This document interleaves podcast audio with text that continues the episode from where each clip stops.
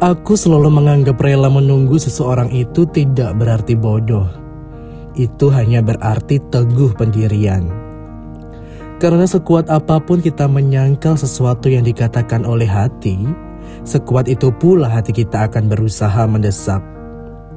Mungkin karena itulah aku tidak bisa meninggalkanmu sendirian Meski dengan biadabnya kau bertingkah seolah-olah aku adalah buku harian yang cuma kau isi dengan keluh kesahmu tanpa kau tanyakan bagaimana perasaanku.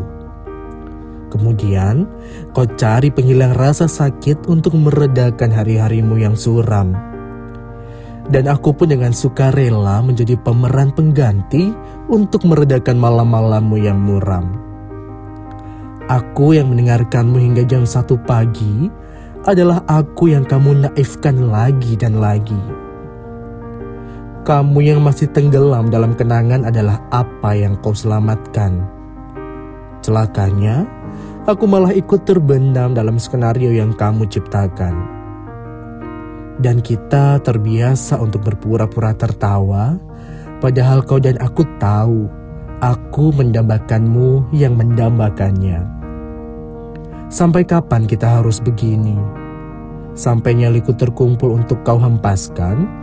Atau sampai kau terbang lagi menuju pelukan yang lainnya? Ternyata menjadi juara kedua itu sama saja berpacaran dengan seseorang yang tak pernah ada secara nyata. Kalau kau benar menyayangiku, kau tak akan menjadikanku juara kedua sejak awal. Aku ingin kau rindu ingin kau kejar, aku ingin kau buatkan puisi. Lalu aku akan bertingkah tak peduli, agar kau tahu rasanya jadi aku. Ditulis oleh Versa Bisari. Nama saya Bayu, dan inilah Suara Sore.